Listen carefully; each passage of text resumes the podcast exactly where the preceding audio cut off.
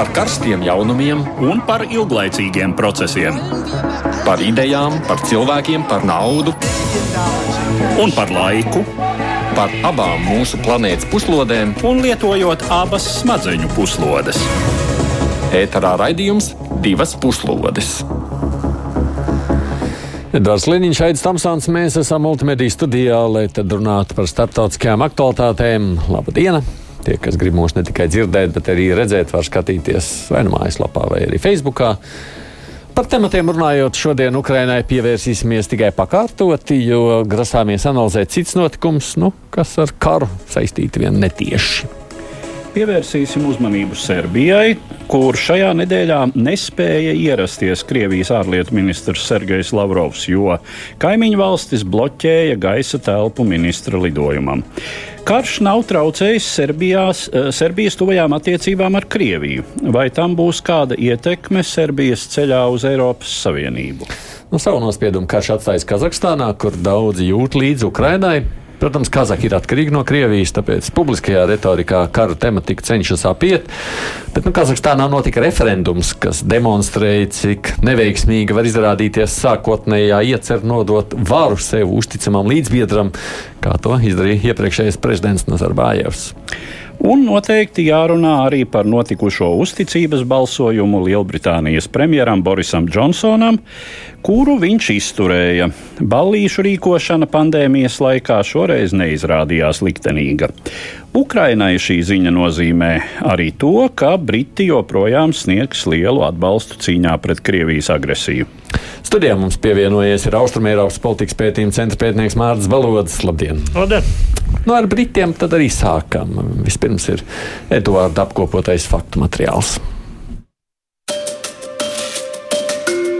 Pirmdien sagrīļojās Britu premjerministra Borisa Džonsona amata krēsls, kad 54 deputāti, jeb 15% no Torija partijas frakcijas, parlamentā iesniedza neusticēšanās rakstus frakcijas darbību regulējošai institūcijai, sauktajai par komiteju 1922, pieprasot frakcijas neusticības balsojumu premjeram.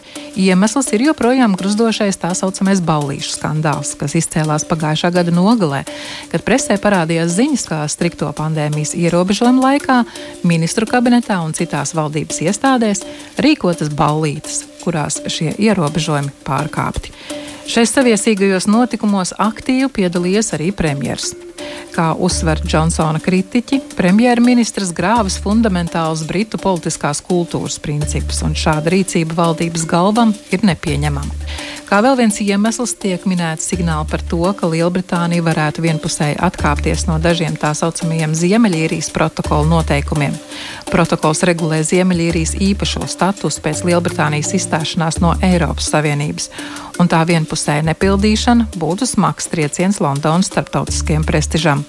Uzticības balsojums Torija frakcijā notika pirmdienas vakarā, un premjerministrs to izturēja ar 211 balsīm pār viņu un 143 balsīm pret. Lai gan daudz izteikušies, ka rezultāts ir labāks nekā cerēts, tiek atzīmēts, ka premjerministru neatbalsta vairāk nekā 40% no paša frakcijas un šāda statistika pagātnē nozīmējusi drīzu varas perioda galu.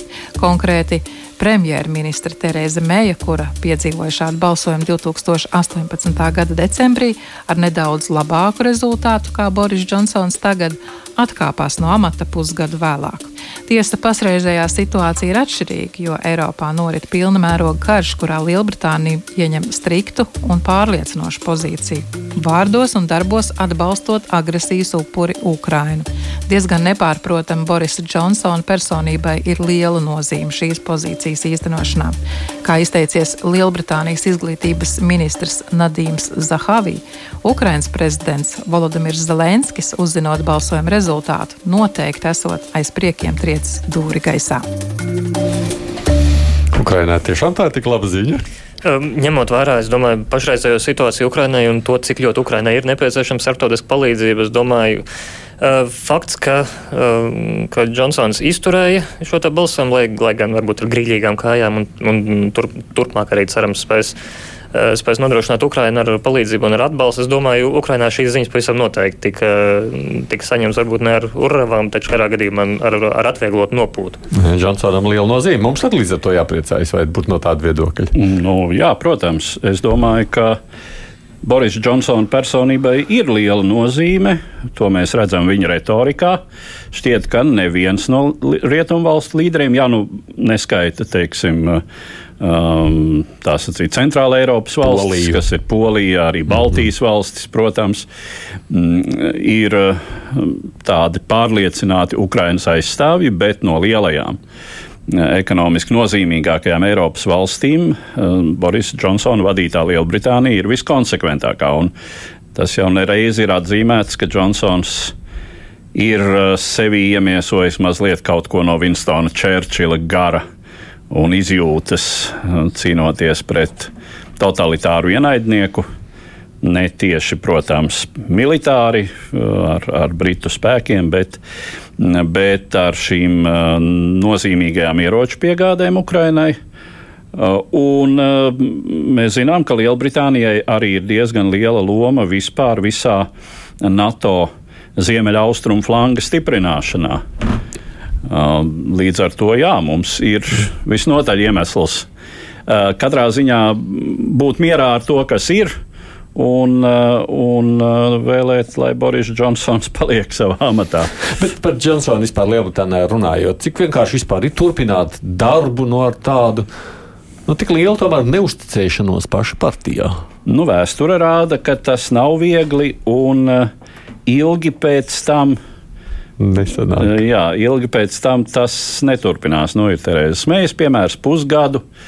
Ir arī kāds at, atmiņā atsaucas. Jā, visi atsaucas arī uz šo piemēru Margareta Tečera 1900. Uh, Oi. 90. jā. Kas to lai zina? tā tad man vajadzēja atcerēties, bet izkrits no tā. Bet jā, toreiz, toreiz Margareta Tečera izturēja balsojumu, bet jau ļoti drīz pēc tam viņas ka kabineta ministri pārliecināja viņu atkāpties, un tas arī notika. Un arī šoreiz tas lielais jautājums ir slēgtajā balsojumā, cik daudz no tiem, kur ir balsojuši pret Borisu Džonsonu, faktiski ir viņa paša kabineta ministri.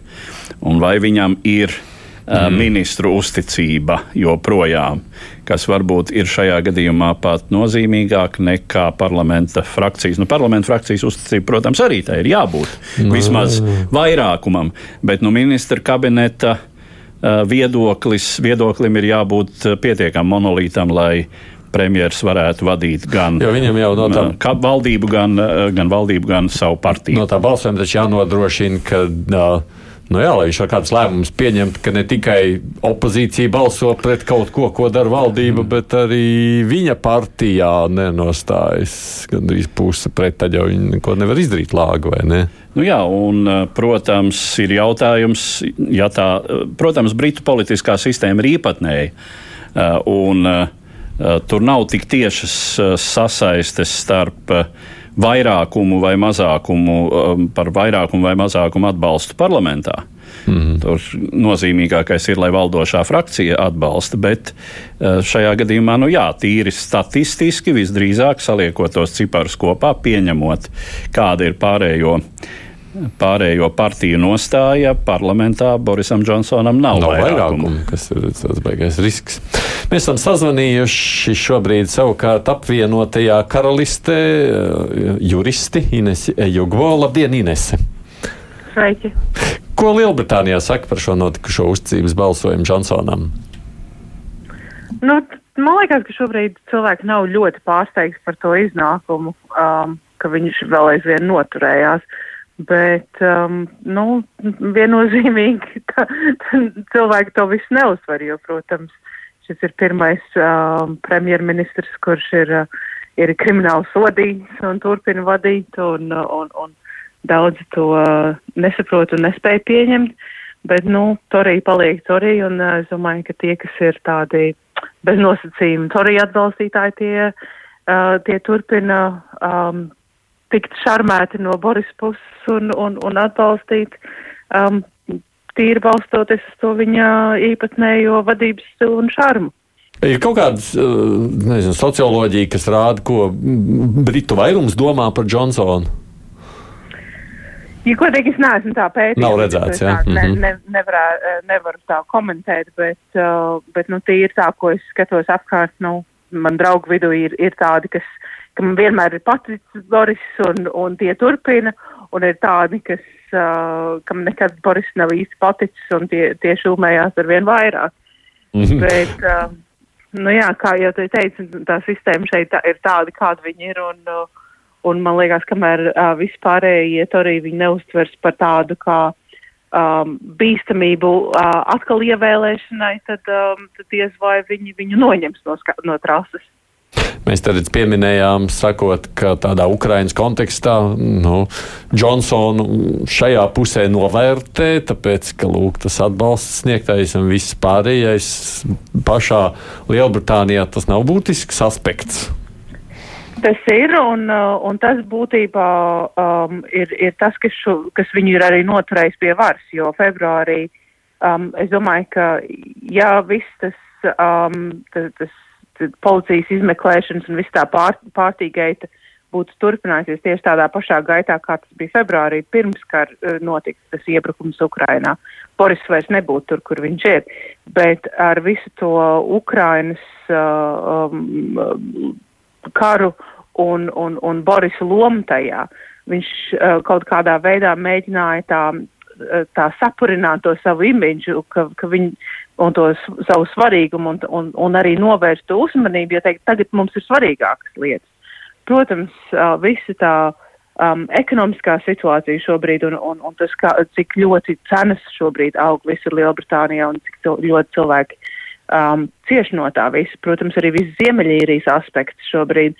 Um, tas turpina tā kā, nu, uh, nodarīt skādi tam viņa imidžam, bet tas Ukrainas elements ir tas, kurš to imidžu kaut kā, nu, uztur kā daudz maz pozitīvi. Tagad, protams, bija arī diezgan izmisīgs mēģinājums uh, nopirkt cilvēku labvēlību, piešķirot uh, mums tos uh, pabalstus, pilnīgi visiem tā neskatoties, piešķirt pabalstus vispirms 150 māciņu vērtībā, tagad 400 par to, lai mēs tos enerģijas rēķins varētu um, apmaksāt un tā tālāk. Daudziem tas nu, tas ir ļoti nozīmīgi un, un tas atm, atmaidzina viņu jūtas pret Borisu un saka, ā, nē, viņam tomēr rūp, ja. Bet, nu, es domāju, ka tas Ukrainas elements ir viens no tiem spēcīgākajiem, kāpēc, kāpēc viņš vēl ir tur, kur viņš ir. Bez tā Ukrainas elementa viņš, viņš noteikti jau būtu sen zaudējis to, to, to, mm to mhm. savu statusu. Vēl viens jautājums. Jūsuprāt, viņš varēs pastrādāt ar to, ka tomēr tik daudz ir pret viņu, vai viņam vajadzēs atkāpties? Mēs te vēsturi piesaucām. um, jā, es dzirdēju to, ko jūs teicāt. Es domāju, ka tas, tas ir laika jautājums, un tas ir tieši, nu, kā viņi nomenedžēs to visu situāciju. Um, man personīgi nav liela simpātijas pret viņu, jo, nu, uh, visi Brexit un viss viņa nostāja tajā. Es, es tā kā gribētu, lai kaut kādā brīdī, lai viņš tomēr dodas projām, bet, um, bet, bet, nu, tas, tas būs kaut kāda kaut kāda laika jautājums, un redzēs, kā, kā būs. Ja, ja pārējie to arī viņi sāks uzskatīt par tādu kā bīstamu, lai, lai un, un to arī partijai kā tādai, un ka, ka ir kaut kādas tādas risks, ka viņas vairāk nevarētu, nākamajās vēlēšanās nevarētu to arī būt valdošie. Tad viņi tiks no viņa vaļā, bet, bet kamēr tas nenotiks, es šaubos, vai, vai, vai Boris tā labprātīgi aizies. Mm. Paldies, Jurista Inesai Jugbo. Es saku paldies par sarunu. Redzi, kā ir Ukraina. Karš ne tikai nes postu kādiem, tas nes politisko izglābšanos. Mm, tieši tā, jā. Um, un nedaudz jā, atsaucoties arī uz iepriekš runāto. Uh, es esmu redzējis socioloģiskos datus no, mm. no, no Lielbritānijas tieši attiecībā uz sabiedrības skatījumu uz jā. Boris Džonsonu. Un šobrīd viņa tas reitings un dati bija vēl no māja sākuma. Un, un viņa, uh, Viņam par labu bija apmēram 30% sabiedrības, un viņa mm. antireitings bija diezgan augsts, ap 60%. Jā. Taču šajos da datos varēja redzēt skaidru lēcienu 20, no 24. februāra. Eh, proti, viņa antireitings pirms 24. februāra bija pat virs 70%. Un, respektīvi, tas uz to brīdi, faktiski divu mēnešu laikā, bija jau nokrities par 10%. Bet nu, 30% arī pamazs. Eh, tieši tā, jā, tas eh, šobrīd tā Tādā kontekstā tā situācija ir uzlabojusies, varbūt no, no, no ļoti sliktas tikai uz mēreni sliktu. Taču tas nemaina to, jā, ka viņš acīm redzami ir nepopulārs sabiedrībā, un, kā izrādās, viņš arī ir, nav īsti atbalstīts vai vismaz ir uz grīļīgām kājām mm. pats savā, savā partijā. Jā. Nu, vienīgais Latvijā mēs esam mācējuši arī ar ļoti nepopulāriem premjeriem sadzīvot un neko, vai ne? nu, Latvija ir uh, varbūt tomēr drusku cits gadījums, un uh, šī patiešām ir neordināra situācija situāciju. Es domāju, tieši tā karš atstāja. Mēs jau tā cīniski varam teikt, ka, jā, protams, karš kā dramatisks. Uh, Līdz galējībai sakāpināts politisks process mm. ļauj daudz ātrāk nopelnīt politisko kapitālu. Bet, nu, kas to ir pelnījis, tam lai arī tiek. Uh, ir dažas nianses, ko arī piemin, ka drīzumā ir gaidāma uh, pārvēlēšana divos, um, vēlēšana divos konkrētos vēlēšana iecirkņos, kur, uh, kur ir palikuši vakanti tādu vai citādu iemeslu dēļ starpvēlēšanas periodā. Uh, un, uh, ja, cik es saprotu, tie ir līdz šim bijuši Toriju vēlēšana iecirkņi, ja šajos konkrētajos iecirkņos šie konkrētie divi mandāti Torijiem iet uz zudībā, tad varētu notikt eh, atkal kaut kāds mēģinājums, nu, kas varētu būt vai nu kabineta ministru um, bēršanās pie premjera ar aicinājumu atkāpties. Izskan pat pieļāvumi, ka varētu mainīt šo noteikumu, kas līdz šim ir spēkā, ka gadu pēc šāda balsojuma Torija partijas frakcijā atkārtot šāds balsojums netiek rīkots par to pašu premjerministru. Nu, uh, tiek teikts, ka nu, jā, tas ir tāds noteikums, kas līdz šim ir bijis spēkā, bet komiteja 1922 varētu šo noteikumu pārskatīt īpaši par godu Borisam, ja viņš izpelnītos. Lai gan atceramies, iepriekšējā premjera meija tur jau arī visu laiku pukojās par to, ka lūg atstāt. Tur jau, man liekas, tā neapmierinātība brieda visu laiku. Un... Tā Jā, vēl, nu, un vēl ir jāatliek. tieši tāda jau piesauktais Ziemeļīrijas jautājums, jo, protams, esošās uz esošo globālo ekonomisko problēmu fona Eh, Ziemeļīrijas konkrētās ar Brexitu saistītās uh, ekonomiskās problēmas, acīm redzami, ir sāsinājušās. Un tur ir jautājums, kā tas varētu tikt politiski līdzsvarots. Uh, ir šie noteikumi, kā teiksim, Ziemeļīriju saglabāt mm, salīdzinoši tuvāk Eiropas Savienībai, bet līdz ar to attālinātāku no pārējās Lielbritānijas. Uh, muitas procedūru ziņā, nu, mēs par to savulaik esam gan daudz runājuši. Muitas procedūra, robežu ķērsošanas procedūra ziņā. Uh, jā, nu, jautājums arī, kā tur attīstīsies situācija. Vai Gans domā, rakstot mums, sakot, ka kamēr karš turpināsies Eiropā, viņš domā, ka diez vai iekšēji paši Briti tā gribētu uzreiz gāzt to valdību. Nu, cik nu, grūti tāds, teikt, jā, jā. arguments. cik, būt. tas, cik tas var būt arguments? Nē, nē, nu, zināmā mērā tas noteikti ir arguments. Vienīgais, pabeidzot par Lielbritāniju, viņiem ir svinības tur milzīgas karaliene. Nu, jā, taču labojiet, ja kļūdos, taču Džonsons Dēļ uzzināja par, par, par uzticības balsojumu tieši karalienes dzimšanas dienas svinībās. Tāpēc nu, šādas svinības var, var griezt uz abām pusēm. Bet redz, svinības netraucē tomēr lemt arī iekšpolitikas. Nu, tās jau ir divas tiešām dažādas lietas lietas. Eh, politika ir politika, parlaments ir parlaments, monarha platīna jubileja ir kaut kas tāds, kas ar konkrēto politiku nav teiksim, aptumšojams. Respektīvi. Jā. respektīvi, tur viss notika kā jānotiek. Cik nu mēs to arī varējām vērot, visnotaļ simpātiski, manuprāt, arī, arī tā. Mīļi brīžiem, tur ar kaut kādu rotaļu lācīti animācijas personāži. Viņas tur nu, iedzēra tēju. Mums, kā nav karaļi, nesaprast ne, to, to līdz galam. To. Jā, droši vien. Droši vien tas, nav, tas nav tikai animācijas lācīšu līmenis. Monarha klātbūtne valsts politiskajā sistēmā, lai cik simboliski arī būtu viņa loma, tomēr rada mazliet citu klimatu. Kas, ja man jautātu, nemaz nav peļāmi tur, kur tas ir iespējams, tur, kur šī tradīcija ir. Bet tur, kur šādas tradīcijas nav vēsturiski, tur, protams, to radīt arī nevar. Nu, tur ir jābūt, jābūt mierā ar to, kas ir. šī vārda vislabākajā nozīmē jāciena mūsu politiskās institūcijas, mūsu valsts prezidents. Šajā gadījumā, kam ir līdzīgs status kā valsts galvām, kronētiem, kronētiem valsts galvām citās pasaules valstīs. Runājot par to, kas ir noticis pēdējo dienu laikā, tagad jāpiemina Kazahstāna un tur sarīkotais referendums. Klausāmies vispirms ierakstu. Svētdien Kazahstānas balstiesīgi iedzīvotāji devās pie vēlēšanu urnām, lai referendumā paustu attieksmi pret vairākiem nozīmīgiem valsts pamatlikuma labojumiem. Dalība referendumā nedaudz pārsniedz 68%, no kuriem vairāk nekā 77% balsoja par piedāvātajiem konstitūcijas labojumiem. Pēc asiņainajiem nemieriem šī gada janvārī, kuros dzīvību zaudēja vairāk nekā 200 cilvēku un kas tika apspiesti ar Krievijas karaspēku palīdzību, Kazahstānas prezidents Kasims Žomarts Tokājevs paziņoja, ka apsver iespēju reformēt valsts kārtību, mainot superprezidentālo varas modeli uz prezidentālu ar nopietnu palielinātu parlamentu lomu. Iepriekšējais referendums Kazahstānā notika 1995. gadā, un tolaik apstiprinātā konstitūcija kalpoja par likumisko rāmi autoritārijai varai, kuru īstenoja agrākais prezidents Nursultāns Nazarbājevs.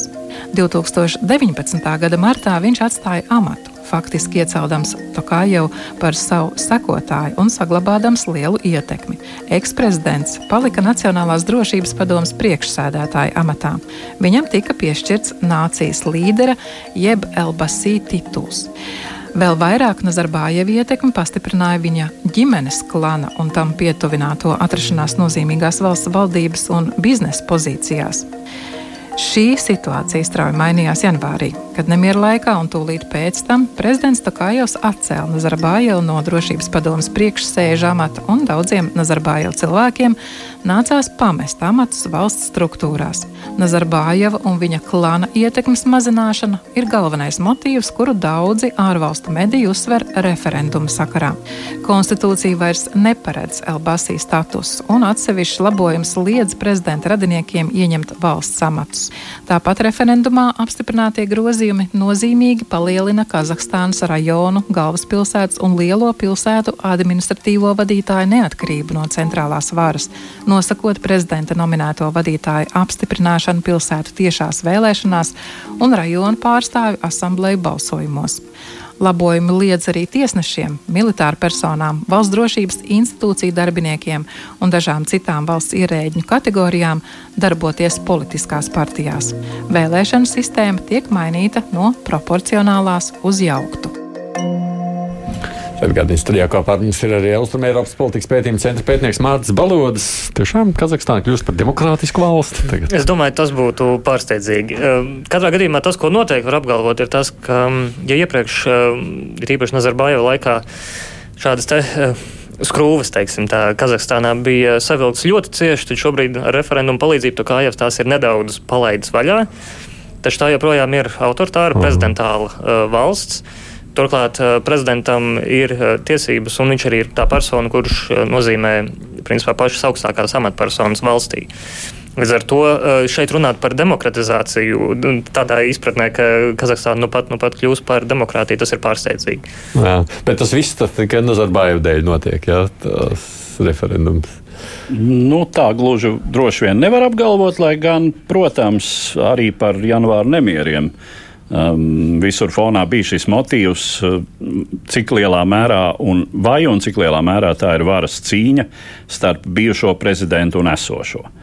Un, uh, tas, ka Nazarbājeva teiksim, klans, Nazarbājeva aprindas uh, bija ļoti spēcīgas, un droši vien, ka Tokājevam nu, bija šī izšķiršanās vai nu palikt marionetei vai Eh, vai tomēr kaut ko darīt, un janvāris visdrīzāk šo procesu katalizēja. Eh, nu, mēs atceramies, ka konkrētais iemesls eh, bija ekonomisks. Tā bija cenu celšanās konkrēti. Tur degvielas, degvielas autodegvielas cenas celšanās. Tas bija tā kā mm, detonators, un tad jau uh, sākās šie plašākie nemieri.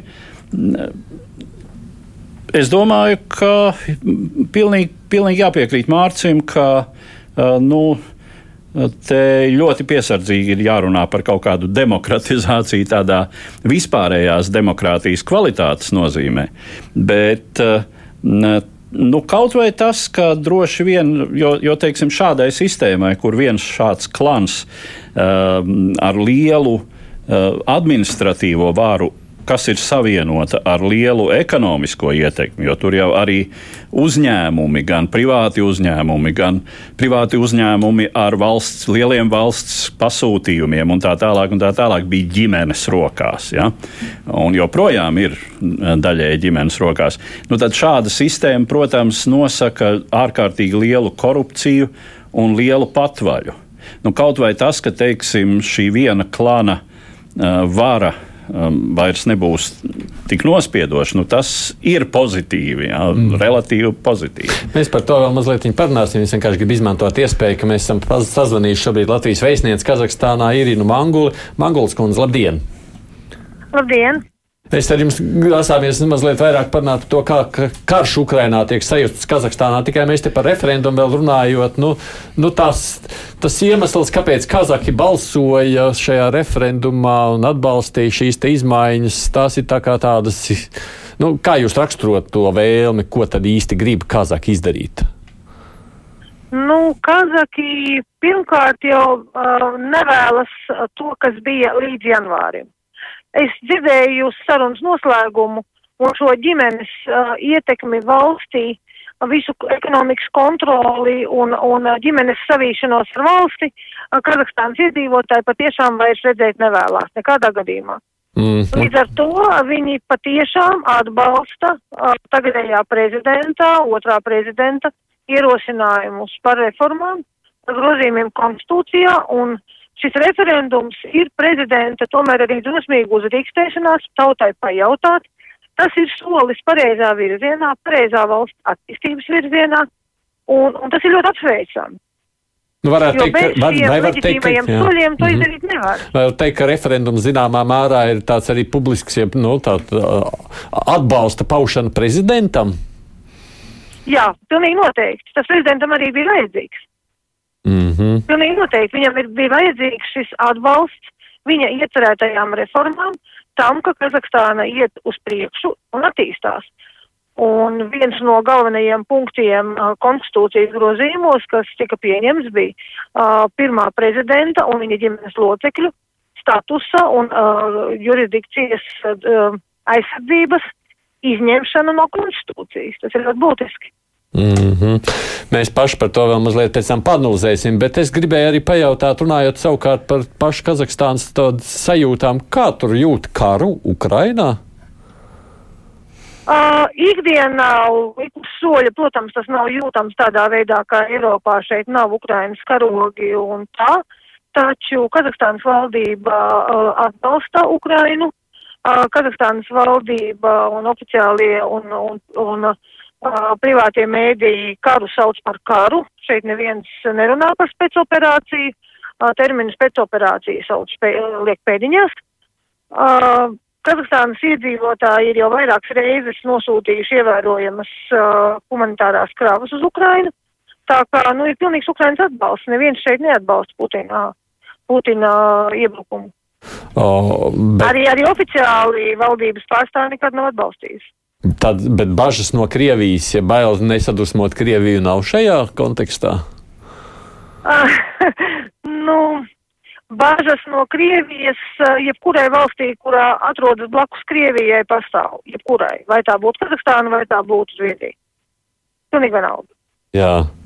Nu, jā, bet tajā pašā laikā, nu, lūk, jūs sakāt, tur tomēr palīdzību sūta un tā Ukrainu atbalsta. Palīdzības Ukrainu sūta viennozīmīgi, tāpēc, ka Kazahstāna ļoti labi saprot, ko nozīmē karš. Gala beigās Kazahstānas ļoti daudz iedzīvotāji, kaut arī šeit līdz šejieni otrais pasaules karš neatnāca, taču Kazahu dēli ļoti daudz cīnījās otrā pasaules kara frontē.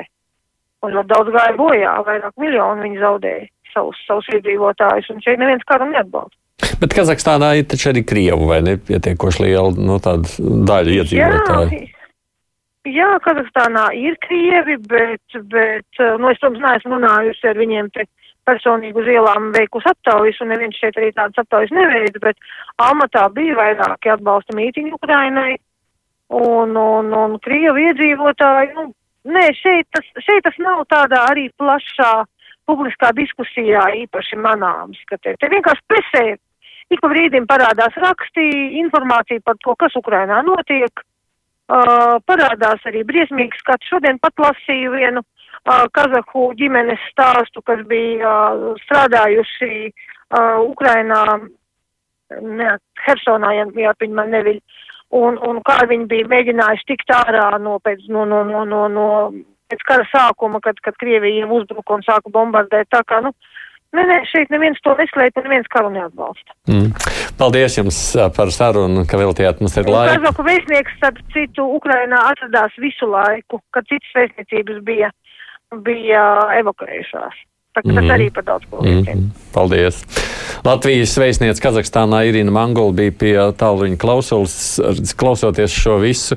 No otras puses, nu, taču vienmēr licies, ka tur tās valsts tik ļoti cieši augušas ar Krieviju un autoritāru režīmu vispārējais, un tomēr. Un tā. Kazahstānas gadījums ar to ir savā ziņā arī interesants, jo Kazahstāna gadiem jau ir īstenojis to, ko pat Kazahstāna devē par daudzvektoru ārpolitiku. Respektīvi, Kazahstāna ir mēģinājusi izvairīties uh, no tādas situācijas, ka viņi būtu pārāk cieši sasaistīti uh, ar kādu valstu, galvenokārt tieši ar Krieviju.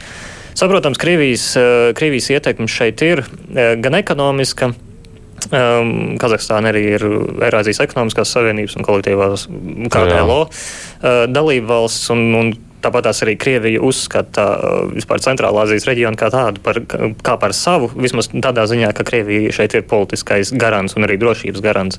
Taču tāpat Kazahstāna sadarbojas arī ar Ķīnu, kurai ir pašai savas ekonomiskās intereses reģionā. Uh, pēdējo gadu laikā arī Kazahstāna sadarbojusies ar, um, ar Turciju, kurai arī ir savas reģionālās ambīcijas. Un tāpat arī ar rietumvalstīm, rietumvalstu uzņēmumi, galvenokārt tie, tie kas nodarbojas ar dabas resursu ieguvi, apstrādu un eksportu, tie investē Kazahstānā. Un, un vispār, ja mēs pavalkam varbūt zināmā mērā svītru zem Krievijas uzbrukuma Ukrainai, šeit tas lielākais risks, ko Krievija ir uzņēmusies, ir Krievija ir diskreditējusi pati sevi un savus atbalstītājus. Un šobrīd Kazahstāna pavisam noteikti ir viena no tām valstīm, kura mēģina ieturēt distanci no Krievijas, jo šobrīd Kazahstānai nav, iegūstams absolūti nekas, ja tā nostātos blakus Krievijai. Un tāpēc arī, piemēram, Kazahstānas amatpersonas ir publiski paziņojušas ne tikai par to, ka atbalsta Ukrainu, bet arī par to, ka, piemēram, Kazahstāna nekļūs par, um, par vārtiem sankciju apiešanai. Respektīvi, ka Kazahstāna neļaus. Uh, nodarboties ar um, teiksim, Eiropas vai Rietumos radītu preču eksportēšanu uz, uz Krieviju. Um, saprotams, tur vienalga pastāv bažas, ka tā ir drīzāk tāda publiska, tikai uh, publiskā retorika. Taču kādā gadījumā Kazahstāna šobrīd mēģina distancēties no Krievijas, un lai, lai karš netiktu piesaukts. Uh, piemēram, Labadarī maijā notika KDLO uh, sanāksme, kurā par karu Ukrainā runāja tikai Krievija un Baltkrievija. Līdz ar to mm, saprotams, ja šeit militārs alianses dalībvalsts ir iesaistīta aktīvā kardarbībā, lai gan to dēvē par spēcoperāciju, um, valsts nevēlas vienkārši par šo jautājumu runāt, lai netiktu partijā iejaukt.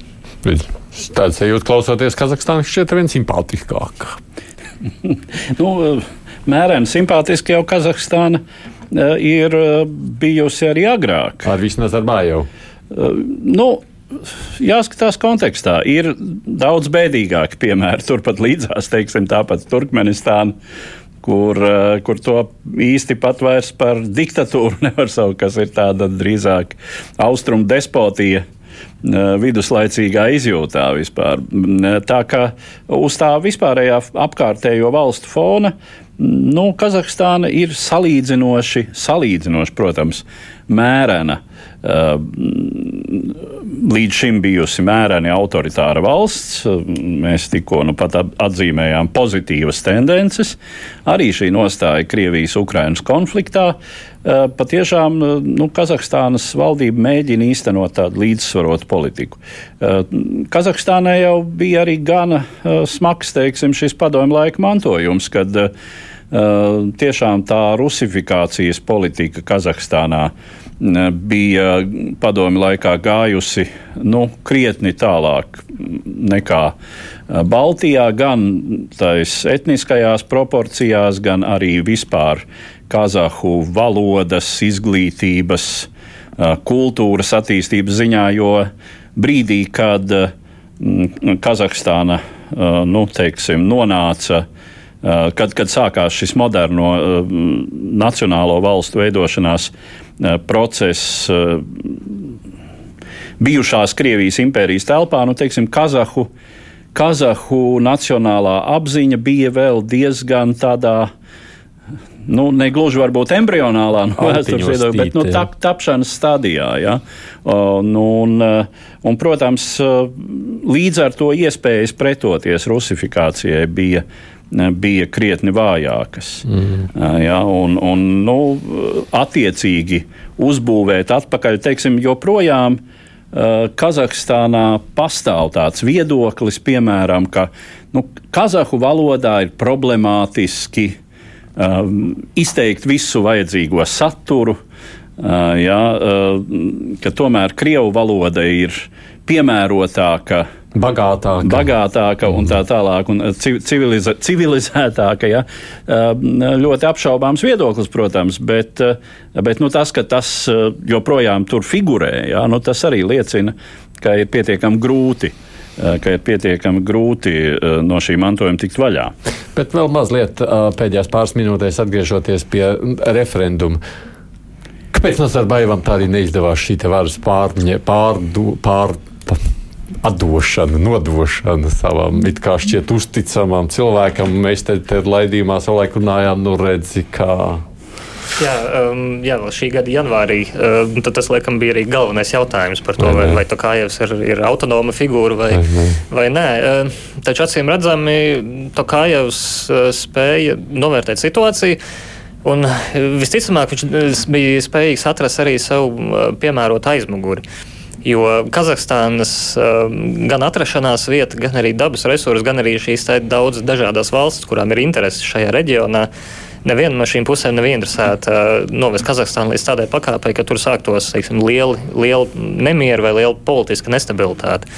Un es domāju, viena no lietām, kas nosrādāja to kājumu par labu, bija tas, ka uh, ka Krievija ne tikai bija gatava sniegt palīdzību šo protestu laikā, kad KDLO mm -hmm. um, um, nosūtīja šos mieru uzturētājus, taču arī tas, ka, cik ātri viņi arī pazuda no, no Kazahstānas, kas arī sākotnēji bija jāatzīst, zināmā mērā pat pārsteidzoši. Um, jo es domāju, galvenais tas Tokājeva trumps bija tā, tas, ka izdevās ātri, salīdzinoši ātri viņam tikt vaļā no principā Nazarbājeva atslēgas cilvēkiem, piemēram, no drošības dienas vadītājiem. vadītājiem. Un arī, zināmā mērā, arī Krievijas interesēs bija, ka, kā, ja gadījumā, ja notiek režīma maiņa, teiksim, vismaz šī te prezidenta maiņa, tad Tokājevs ir pieņemams kandidāts. Viņš ir sistēmas apbružāts cilvēks, viņš nav kāds opozicionārs, viņš ir karjeras diplomāts. Un, un kamēr vien viņš var nodrošināt politisku stabilitāti un nenotiek strauja ārpolitiska kursa maiņa, viņš nebūtu okay. no sliktākais. Ja, bet tā varas pārņemšana, kādreiz spiedām, nu, Krievija varbūt varētu kaut ko tādu, nu, neatcīm redzot, neizdevās. Bet savulaik, pieņemsim, ar Medvedjevu Krievijai tur izdevās. Iedeva, Medvedevs izrādījās uzticams, viss kārtībā. Kaut kā Nazarbaevs ne, neaprēķināja. Acīm redzot, šeit var būt iespējams, ka, indiv, kā, kā jau teiksim, individuālās ambīcijas iespējams ņem, ņem virsroku, vai, vai varbūt Nazarbaevs arī, it īpaši ņemot vērā to, cik ilgi Nazarbaevs bija pie varas, iespējams, viņš pārvērtēja savas, savas, un, un savas, savas elites jā. spējas nokontrolēt uh, šo iekārtu no augšas uz apakšu. Nu jā, Nazar, te jau ir tas motīvs, ka Nazarbājovs ir salīdzinoši gados ļoti vecs cilvēks. Nu, Pagaidām, viņam bērni nebija kam atdot. Tur, nu, tur ir problēma, ka viņam, ne, dēlu. viņam dēlu nav. Es domāju, tam nevar uzticēties. Nu, īsti, īsti ne, acīm redzot. Tas vairs nav tas, vairs nav tas jā, un, un ja jau uz notam, tad kāpēc neusticamam uh, audzēknim šķietami, par kādu? Jā, šķietami. jā nu, pagaidām jau ar Nazarbāju nekas briesmīgs arī nav noticis. Jā, šķiet, jā. ka joprojām ir spēkā imunitāte. Uh, kas, kas ir, ir ar likumu noteikti tas, ka viņam vairs nav šis īpašais status. nācijas vadoņa status. Tas, ka, protams, viņa konkrētā ietekme ir mazināta, bet viņam laikam joprojām ir tiesības uzrunāt parlamentu pēc savas vēlēšanās piedalīties. Viņš ir Nursultāna vai ne vēl kā pilsēta? Jā, jā, jā un Nursultāna arī nav pat nav pārdēvēta pagaidām, jā.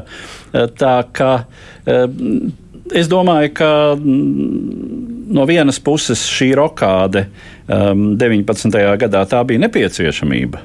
Mm. Uh, jo acīm redzot, nu, viņš nu, jutās gadi, gadi, protams, fiziski jā. un Uh, un arī iespējams morāli paguris no šīs varas nastas, kas ir uz viņa pleciem, kopš vispār Kazahstāna kļuva par neatkarīgu valsti.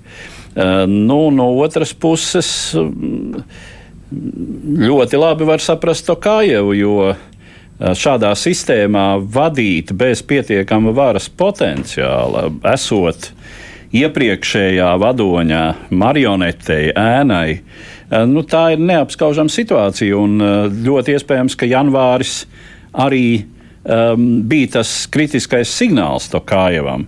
Mm uh, pat ne tas, ka varbūt tur notika kaut kāda aizkulisku varas sadursme, bet tas, ka uh, vienkārši ir skaidrs, vai nu tu ņem varu savās rokās, uzņemies atbildību uh, un um, uzņemies valdīt, vai arī tas destabilizē destabilizē visu sistēmu un rezultāti tā sacīt tabulā. Nu, labi, runājot par Krieviju un Ukrajinu, ir vēl kāda valsts, savukārt, kas pievērsas uzmanību šajās dienās, un tā ir Serbija. Krievijas ārlietu ministram bija atcerēts šonadēļ ciemoties Serbijā, un viņam tas neizdevās ne Serbijas vainas dēļ. Pirmdien pasauli aplidoja ziņa, ka nevarēs notikt agrāk plānotā Krievijas ārlietu ministra Sergeja Lavrova vizīte Serbijā un sarunas ar Serbijas prezidentu Aleksandru Vučiču. Kā zināms, Serbija ir valsts bez pieejas jūrai un vienīgā reģiona valsts, kas nav nedz Eiropas Savienības, nedz NATO locekli. Nokļūšana serbu gaisa telpā tādējādi iespējama tikai ar kaimiņu valstu atļauju, un neviena no tām nav devuši šo iespēju agresoru valsts Krievijas ārlietu resora vadītājiem. Tas jau atkal sāsinājis uzmanību uz Serbiju kā reģiona outsideru Eiropeiskās integrācijas ziņā un Krievijai sevišķi simpatizējošu valsti. Belgradas un Maskavas īpašajām saiknēm ir sena vēsture.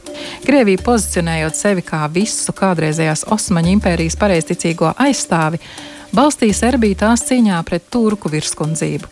Serbijas alianse ar Krieviju lielā mērā bija iemesls tam, ka konflikts starp Serbiju un Austro-Ungāriju 1914. gadā eskalējās par Pirmo pasaules karu.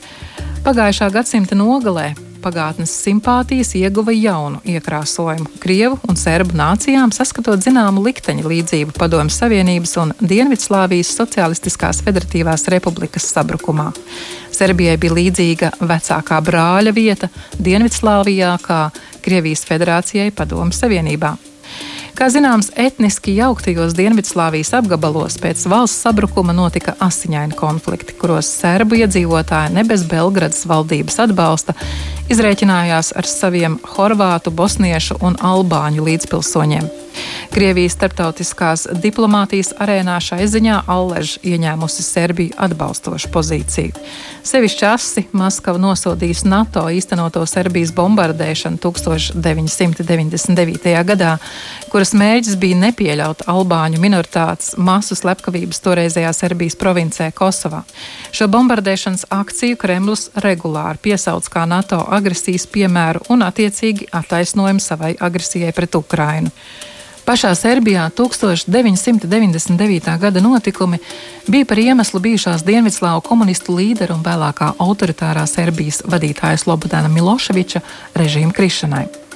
21. gadsimta pirmā desmitgade iezīmē valsts virzību uz integrāciju Eiropas Savienībā, ko gan apgrūtināja politiskās sistēmas nestabilitāte, proeiropisko spēku sadrumstalotība, augsts korupcijas un organizētās noziedzības līmenis. Cik tālu ātra integrācija nenotika, serbu sabiedrībā proeiropisko entuziasmu pakāpeniski nomainīja apātija un skepse un attiecīgi pieauga nacionālistiskas tendences. 2012. gadā par Serbijas prezidentu tika ievēlēts nacionālistiskais politiķis Tomislavs Nikoličs. Divus gadus vēlāk viņa dibinātā Nacionāla populistiskā Serbijas progresīvā partija koalīcijā ar vairākām sīkpartijām ieguva vairākumu parlamentā un saglabā šīs pozīcijas līdz šodienai. Pēc 2014. gada partijas vadībā pamazām izvirzījās jurists un žurnālists Aleksandrs Vučičs, kurš 2017. gadā tika ievēlēts par Serbijas prezidentu.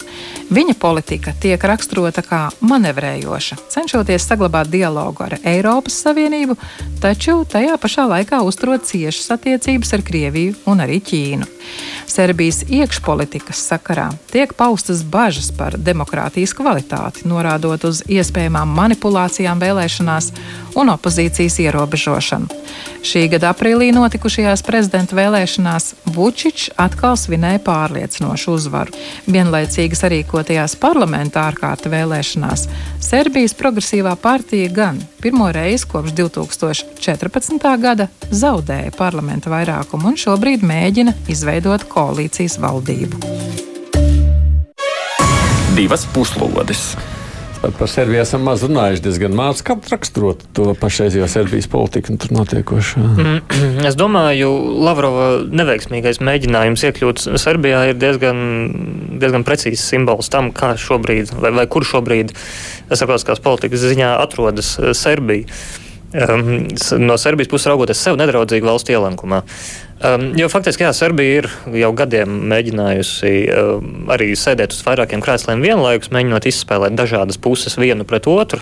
Tā, jo, pie, piemēram, Labad, uh, Serbijas galvenais ekonomiskais partneris ir Eiropas Savienība.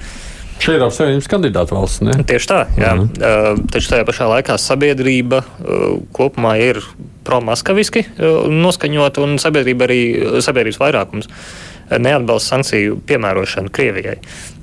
Un tas, piemēram, arī atsp ir atspoguļojies uh, Serbijas attieksmē šobrīd, pret šobrīd notiekošo Ukrainā.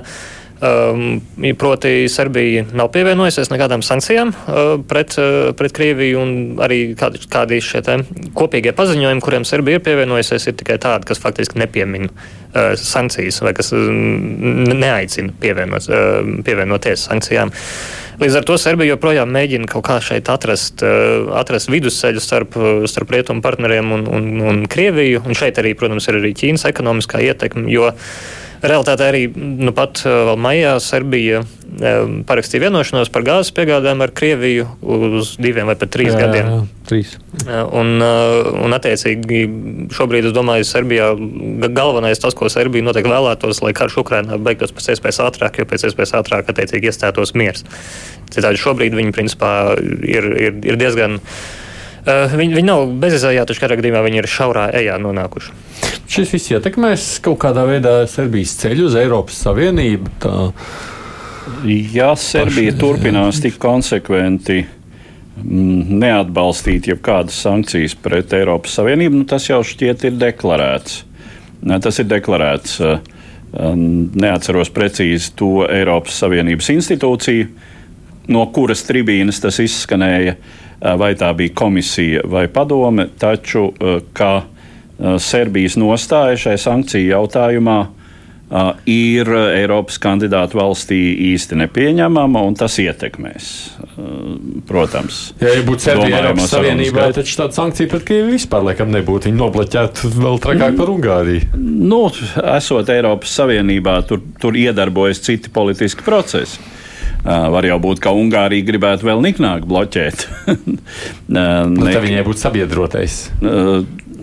Jā, droši, droši vien tas tā būtu. Un tieši tāpēc, tieši tāpēc arī nu, vispār, teiksim, visa šī pieredze, kas pēdējā, uh, nu, teiksim, faktiski pēdējā desmitgadē Eiropas Savienībai ir ar tādām valstīm kā nu, pirmkārt Ungārija, varbūt mazākā mērā Polija, nu, tas viss droši vien padarīs nākamajām kandidātu valstīm lai cik teiksim, deklaratīvi būtu neapstrīdama šī atvērtā durvju politika, kuru īsteno Eiropas Savienība, tas droši vien eh, padarīs iestāšanās procesu Grūtu. krietni grūtāku jā. Jā, nekā tas varbūt būtu bijis pirms desmit Bet gadiem. Vispār vajag Eiropas Savienībai Serbiju vai nevajag? Es domāju, pašreizējā situācijā Eiropas Savienībā iekšējais viedoklis ir, ka pagaidām nevajag. Jo, mm. ja nemaldos, arī Makrons bija tas, kurš paziņoja Serbijai, ka Uzņemšana Eiropas Savienībā tuvākajā laikā Serbijai nav gaidām, un tas jau arī ir pirms laba laika noticis. Es domāju, ka Eiropas Savienības iekšēnē pašā nav īsti nav vilkmes, nav pieprasījuma pēc, pēc palielināšanās. Nu, vēl jau vairāk jās, ņemot vērā to, ka Serbijai ir vēsturiski ciešas attiecības ar Krieviju.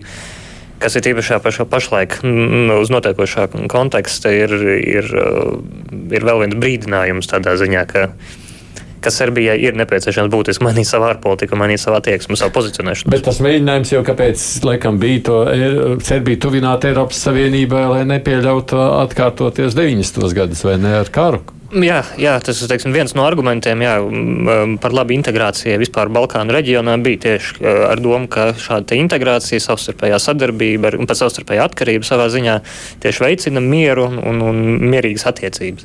Ir īpaši tas ir reģions, kurā joprojām pastāv šie ļoti savstarpēji konfliktējoši vērtējumi par vēstures notikumiem, un šeit pavisam noteikti ir nepieciešamība atrast kopīgu valodu. Jā, bet, nu, tā vidusceļa arī šeit jāatrod. Nevar tikai draudzēties beigās ar visiem, lai ko viņš domātu, vai ne, apmēram tam līdzīgi. Bet kas tur var veidoties tālāk šobrīd šajās valstu attiecībās?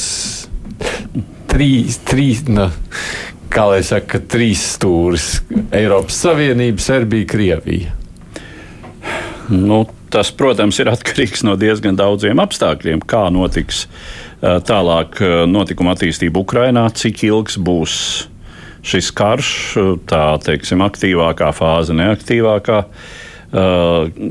Cik ilgi teiksim, paliks aktuāla sankciju politika pret Krieviju un kādā veidā, tas droši vien ir viens no, būs viens no izšķirošiem faktoriem vēl uh, Serbijas un Eiropas Savienības attiecībām svarīgs un arī, nu, arī grūti apējams un grūti risināms ir Kosovas jautājums.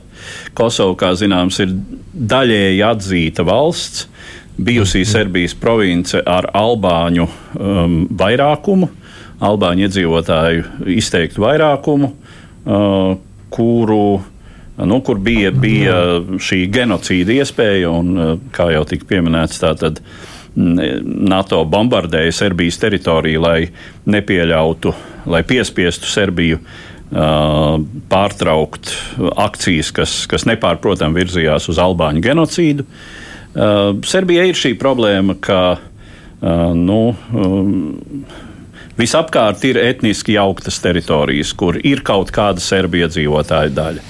Un, uh, Atšķirībā no bijušās Padomju Savienības, kur par laimi nu, tikai retos gadījumos tas ir nonācis līdz mm, konfliktiem ar, ar upuriem, tad tur nu, mēs zinām, ja 90. gadi Rietumbalkānos jā, tas... tie ir šausmu stāsti vienā laidā. Jā. Bet, starp citu, vienīgais tāda maza nianses, Egons saka, ka šo gal galā, ja gribēja tiešām Lavrovs tikt uz Belgradu, arī lidot ar Turkish Airlines, būtu aizlidojis tomēr.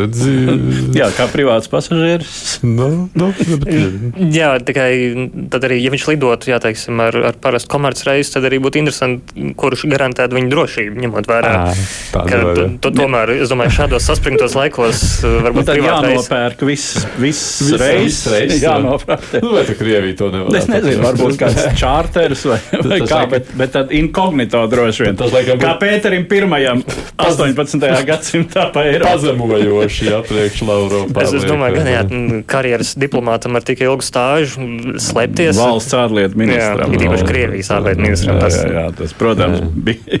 Mēs te varam tā pajokot par to, bet, bet tālāk par joka līmeni šādas iespējamības arī nesniedzas. Tas, protams, bija neiespējami citādi kā ar oficiālo valsts reisu.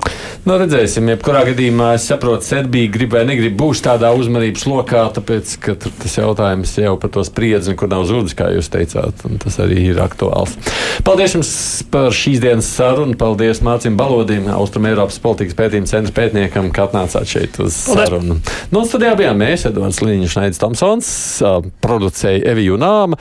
Redījums ētrā būs atkal pēc nedēļas, ten gan man jāpaskaidrojas pāris nedēļām, tagad būšu prom prom atvaļinājumā. Stafeti pārņems kolēģis Uģis Lībietis, bet nu, tas noteikti droši vien ir labi, jo dažādība saturā ir tikai un vienīgi ieguvums. Tā kā raidījumā klausāmies un uz tikšanos atkal kādā no citām reizēm.